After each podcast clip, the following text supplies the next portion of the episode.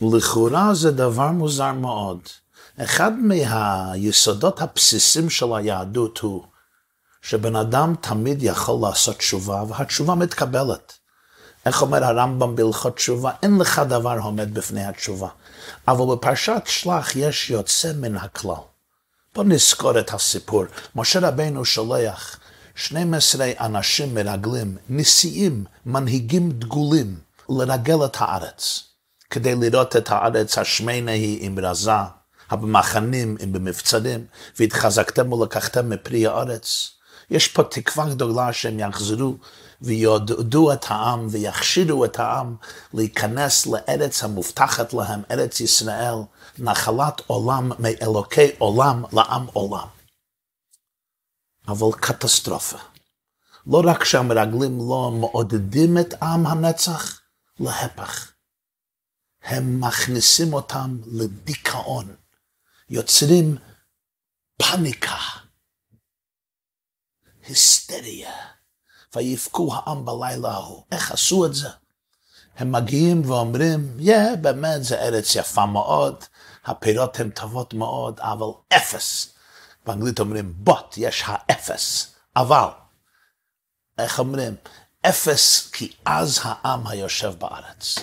הערים צורות, גדולות מאוד, ילידי הענק ראינו שם. לא נוכל לעלות אל העם כי חזק הוא ממנו. פשוט אי אפשר. הארץ אשר עברנו לתור אותה ארץ אוכלת יושביה היא. ונהי בעינינו כחגבים, וכן היינו בעיניהם. ומה קורה? ותישא כל העדה, ויתנו את קולם ויבכו העם בלילה ההוא. לו מתנו בארץ מצרים. הלוואי שהיינו מתים במצרים. למה השם מביא אותנו על הארץ הזאת לנפול בחרב, נשינו וטפינו יהיו לבז, הלא טוב לנו שוב מצרים. מה קורה? הקדוש ברוך הוא מדבר למוישה ואומר, עד מתי ינעצוני העם הזה? עד אנה לא יאמינו בי בכל האותות אשר עשיתי בקרבו. זהו, נגמר העסק. עקנו בדבר, נעשה פה דבר, וירישנו, בוא נחסל את העם, כבר אין תקווה. משה רבנו מגיב לאלוקים. מה הוא אומר?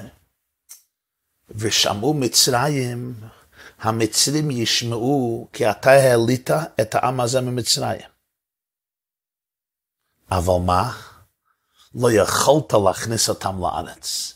ולכן הוצרכת לחסל את כל העם הזה, כי מבלתי יכולת השם להביא את העם הזה לארץ אשר נשבע להם, וישחטם במדבר. כך הם יגידו. הם לא יגידו שהרגת אותם בגלל שרצו להיכנס לארץ, בגלל שרצו לחזור למצרים, לא, הם יגידו פשוט, אתה אינקומפטנט, אין לך יכולת, אין לאלוקים היכולת, היה יכול להוציאם במצרים, לא היה יכול להכניסם לארץ כנען, וזהו, עשה צ'יק צ'אק, הרגם במדבר. זוהי הטענה הראשונה, הבסיסית, של משה רבנו. והוא מבקש רחמים ומתפלל. ובסופו של דבר, ויאמר השם, סלחתי כדבריך. אני סולח. אבל, כזה גזירה, שכל אחד שהיה מבוגר, כל איש, כל זכר שהיה מבוגר מבין עשרים שנה ומעלה, הוא כבר לא ייכנס אל הארץ, הוא ימוס במדבר, הם ישארו שם ארבעים שנה, עד שהדור הזה ימות, ואחר כך הדור השני ייכנס לארץ. מה קורה אחר כך? מספרת התורה שמשה סיפר את כל זה לעם, ויתאבלו העם מאוד, וישכימו בבוקר, ועלו על ראש ההר, והם אומרים, הננו, על, ועלינו על המקום אשר אמר השם, כי חטאנו. לכאורה הם עשו תשובה. הם הודו על חטאם, כי חטאנו. הם מתחרטים על מה שעשו, והם עכשיו מוכנים ליצור דף חדש בחייהם. הננו ועלינו, מוכנים ללכת לארץ ישראל. ויאמר משה לו, כבר מאוחר, למה זה אתם עוברים את פי השם והיא לא תצלח, אל תעלו כאין השם בקרבכם. מה קרה עם תשובה? הרי הקדוש ברוך הוא אומר, סלחתי כדבריך, אני סולח לכם. אתה מחילה. וזה לא הייתה סתם תשובה מן השפה לחוץ, היהודים באמת התחרטו. ולכן רצו לעלות בבוקר של אחר כך, והתאבלו העם מאוד, היו באבלות במה שקרה. למה לא היא לה תשובה? בכל שאר חטאי התורה יש תשובה, והתשובה ממרקת, התשובה מכפרת, התשובה מטהרת את החטא, ומתחילים מחדש. והרי פה הייתה מחילה, סלחתי כדבריך. אז למה הקדוש ברוך הוא לא כיפר לעם, ואומר בסדר, הם עשו תשובה, אנחנו כן נכנסים לארץ. לא צריכים להמתין 40 שנה, ללך במדבר 40 שנה. לא צריכים להמית את כל הדור ההוא, שכולם יכנסו לארץ ישראל. יש עוד תמיהה גדולה. תשאלו לעצמכם, אמא נכנסת לכעס גדול. היא בקצב, משהו הילדים עשו ממש אבן לא יכופר. והיא אומרת לילדים, אני מחסל אתכם, אני הורג את כולכם. ופתאום ידיד המשפחה אומרת לאמא, אני מבין אותך, אבל מה יגידו השכנים? יראו כל היד... הילדים שלך מתים פה, מה יגידו השכנים עליך? האמא אומרת, you know, you're right, אתה צודק, אני כבר לא הרג אותם. משהו מוזר, כן? לא מדברים לאמא ככה, אומרים לאמא, זה הילדים. משה רבינו היה צריך להגיד לאלוקים, אתה מכלה את כולם, אתה מחסל את כולם, זה העם שלך, זה הילדים שלך, אתה אוהב אותם. בנים אתם להשם אלוקיכם, בני בכורי ישראל. זה מה שעשה בחטא העגל. גם בחטא העגל, אחרי שיצרו עגל, הוא אמר, הרף ממני ואשמידם. ויאמר משה, למה השם יחרה אפך בעמך, אשר יוצאתך מארץ מצרים בכוח גדול וביד חזקה. אחר כך דיבר על מה שהמצרים יגידו, אבל דבר הראשון, זה עמך, עמך ונחלתך. גם היה פה, היה צריך להגיד לאלוקים, אני מבין, הם חטאו, יש להם בעיות באמונה, יש להם חסר ביטחון, יש להם אי אמון עצמי, המרגלים הזה, שיגעו אותם, הכניסו אותם לפאניקה והיסטריה, כל האומה ככה נשברה, אני מבין, אבל הם בניך, זה העם שלך. הוא לא אומר את זה, לא מזכיר מילה על זה. מה אומר משה רבנו? המצרים, מה יגידו השכנים? המצרים יגידו מבלתי יכולת השם להביא את העם הזה אל הארץ אשר נשבע להם, וישחטם במדבר. בסוף הוא מוסיף, סלח נא לעוון העם הזה כגודל חסדך, וכאשר נסעת לעם הזה ממצרים ועד הנה. אבל התאנה הבסיסית והעיקרית, כולם יגידו, מהשכנים יגידו שאלוקים לא יודע, לא, אין לו הכוח, אין לו עוצמה, אין לו הפוטנציאל להכניס אותם לארץ. טענה מוזרה אם אתה רוצה לשכנע אלוקים, לא להרוג את העם היהודי. במשך הדורות נתחבטו מפרשי המקרא לדורותיהם להסביר את הסיפור המוזר והקשה והנבוך הזה. אני אגיד לך בפניכם רעיון שביטא הרבי מלובביץ' בהתוועדות שבת, שבת פרשת שלח תופשין ל"ד. זה השנה בוודאי, זו הייתה השנה של מלחמת יום הכיפורים, שנת 1934. באמת הסתכלתי אתמול בערב בספר החסידי שפת אמת על פרשת שלח, וראיתי שאחת מהנקודות הוא גם מזכיר שם. בקיצור נמרץ היה קשה, קשה לי להבין, אבל אחרי שקראתי את השיחה של הרבי מלובביץ', כבר הבנתי דברי השפת אמת בבהירות יותר. והנקודה היא ככה, המרגלים לא שקרו, המרגלים לא הגזימו, המרגלים לא יצרו דרמות שלא היו ולא נבראו, לא דובים ולא יער. המרגלים דיברו לפי האמת, מה שהם ראו והם חוו. ונהי בעינינו כחגבים וכן היינו בעיניהם. זה היה בשבילם אמת. הם לא יצרו סיפור מהשרוול שלא היה ולא נברא. הם אמרו, בנו אל הארץ אשר שלחתנו, וגם ילידי הענק ראינו שם, ראינו שם ענקים. ראינו שם ערים בצורות גדולות בשמיים. ראינו שאז העם מדובר על עם שונא, תקיף וחזק וקשוח. עמלק יושב בארץ הנגב, זה היה אמת. החיטי, היבוסי, האמורי, יושב בהר. הכנעני יושב על הים ועל יד הירדן. זה היה אותנטי, זה היה קנה. זה ארץ אוכלת יושביה היא. זה ארץ שתאכל אותנו חיים. אנחנו לא נשרוד שם. כל העם אשר ראינו בתוכה אנשי מידות, אנשים גדולים, חזקים, אין תקווה. ראינו את הנפילים, בני ענק מן הנפילים, לכן נהי, אנחנו מסתכלים על עצמנו כחגבים. אנחנו חגבים. נו, חגב יתקוף את פיל. חגב, חגב ייכנס למלחמה נגד אריה. זה צחוק, זה ליצנות, אי אפשר. וזו הייתה הנקודה. האם הם היו צודקים או הם לא היו צודקים? אומר בעל השפת אמת, הם היו צודקים. מבחינה טבעית לא היה באפשרותם להיכנס ולכבוש את הארץ. זה היה ממש כבשה אחת בין שבעים זאבים, בין שבעים אריות. באמת, אי אפשר. הם היו צודקים. לכן כל האומה, כל העם, נכנס לפאניקה והיסטריה. נשינו וטפנו יהיו לבז. אנחנו, יחסלו את כולנו בחרב. בואו נחזור למצרים להיות עבדים, נשרוד כמו עבדים. לא מצליחים ללכת למלחמה ואף יהודי לא ישרוד פה. וכל הנשים והטף או שישחטו או שיהיו לבז. וטענה טענה חזקה.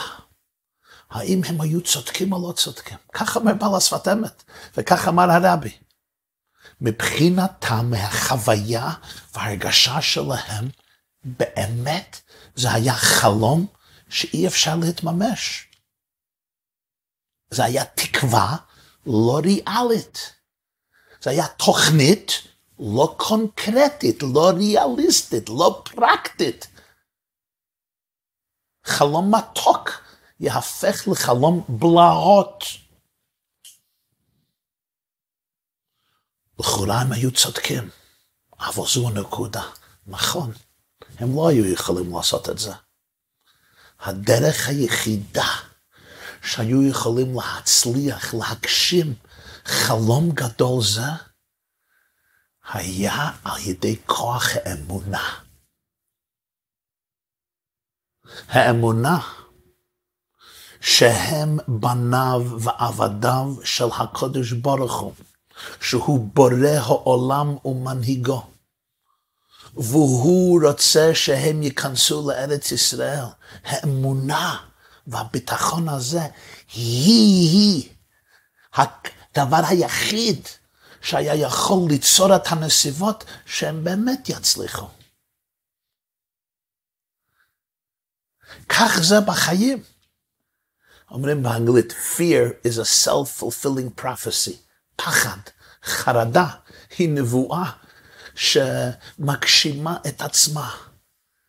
אם אתה מאמין שאתה יכול, אתה צודק. אם אתה מאמין שאתה לא יכול, אתה גם צודק.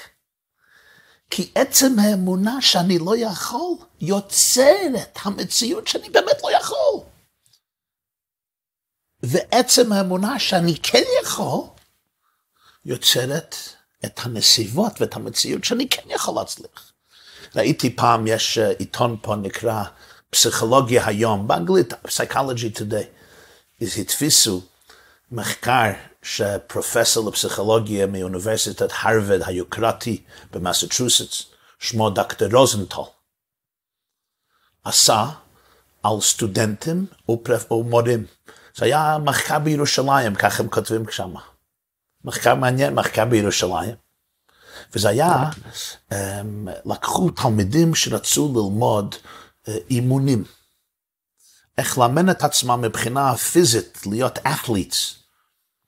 וחילקו את הקבוצה לשלושה חלקים.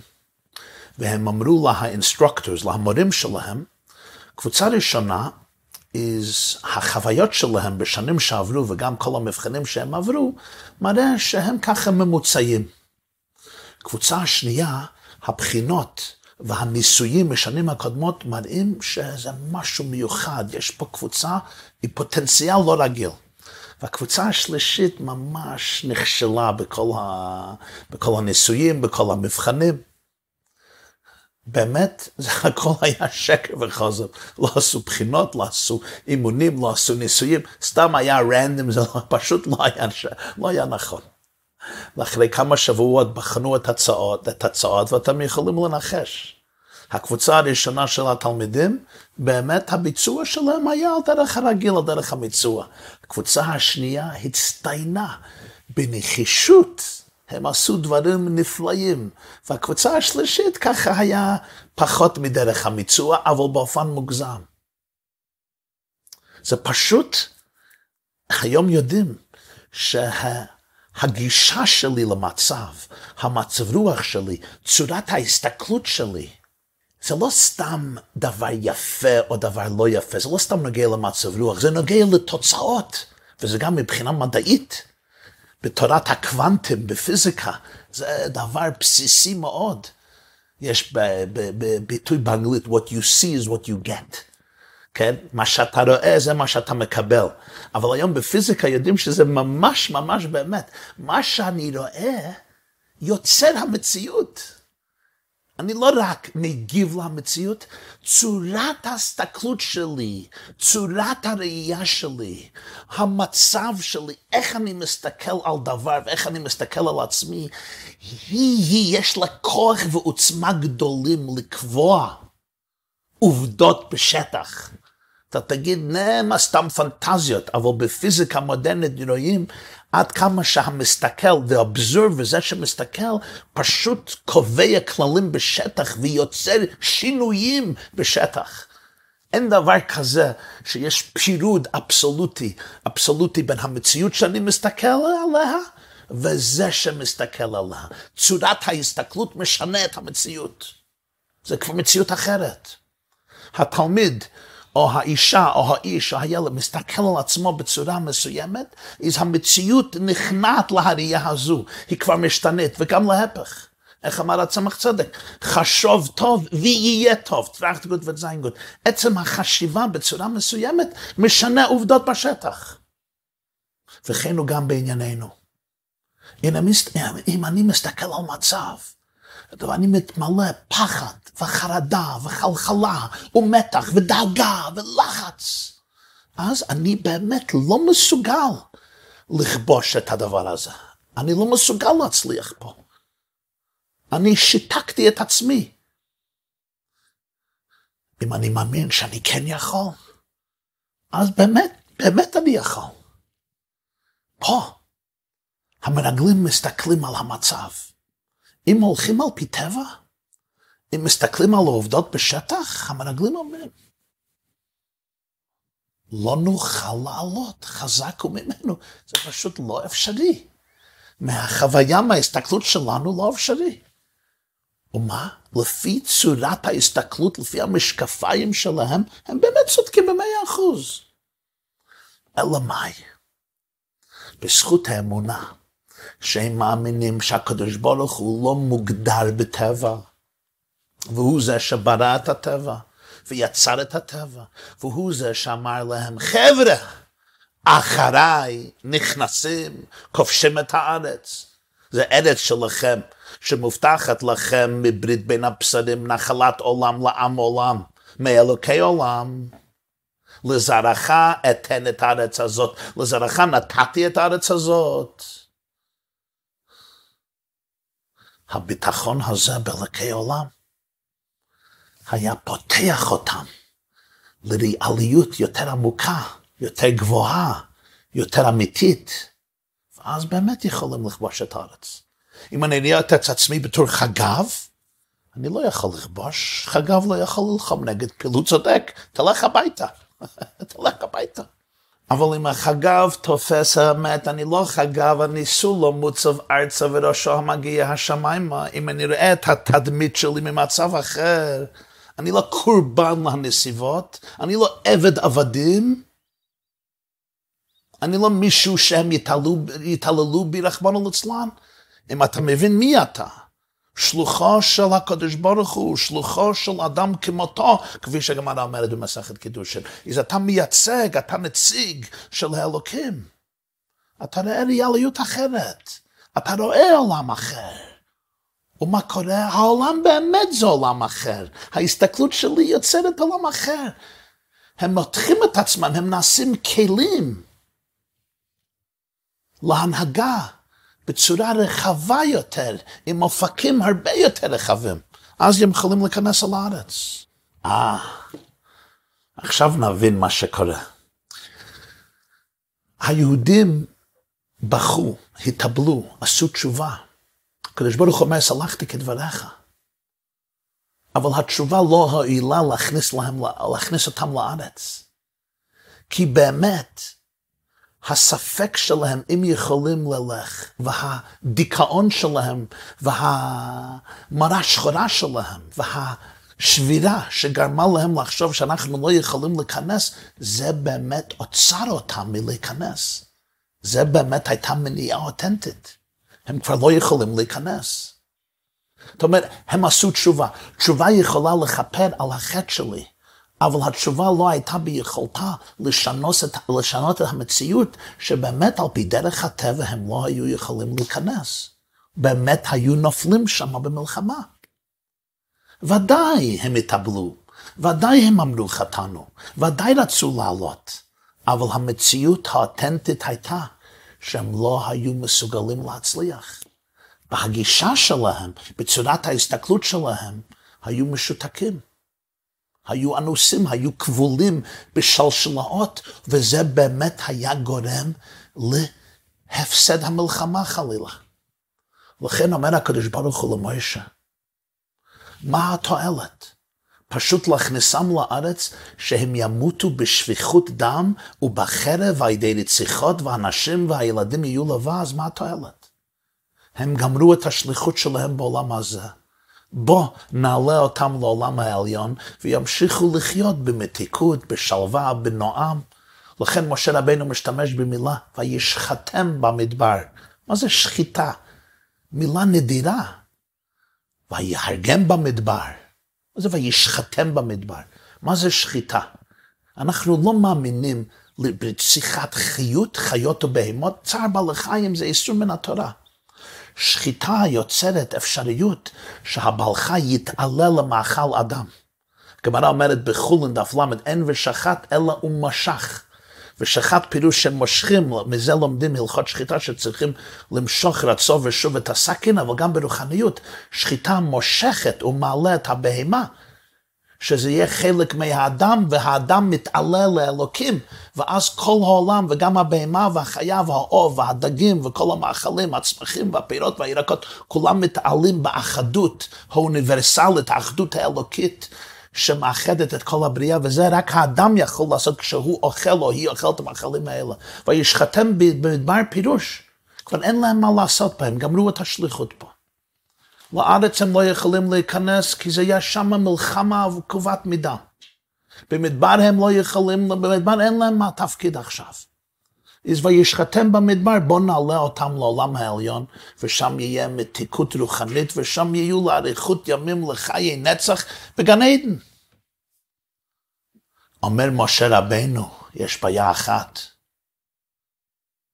זה יגרום להדר האמונה אצל המצרים ושאר אומות העולם שיגידו מבלתי יכולת השם ולכן וישחטם במדבר.